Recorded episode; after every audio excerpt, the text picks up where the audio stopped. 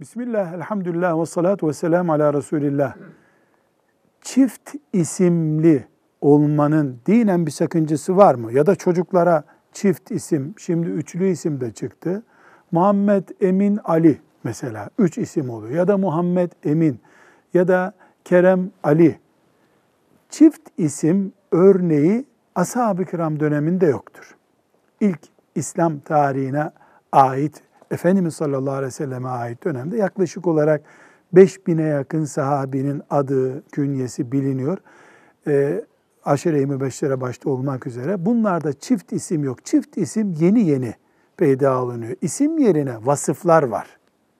Mesela Yavuz Sultan Selim, e, Fatih Sultan Mehmet. Mehmet asas isim burada, Selim asas isim. Diğerleri vasıflar. Biz Yavuz, Selim derken sıfatla ismini birleştik, bir isim çeşidi ürettik. Bu biraz işte babanın hatırı kalmasın, annenin hatırı kalmasın, herkesin dediğinden bir isim koyalım gibi bir mantıkla yapılıyor.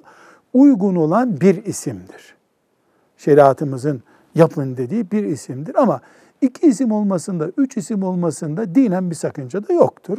Şimdiki e, telaffuz edildiğinde anlaşılmaz hale gelen isimleri çift olarak kullanmamak lazım. Velhamdülillahi Rabbil Alemin.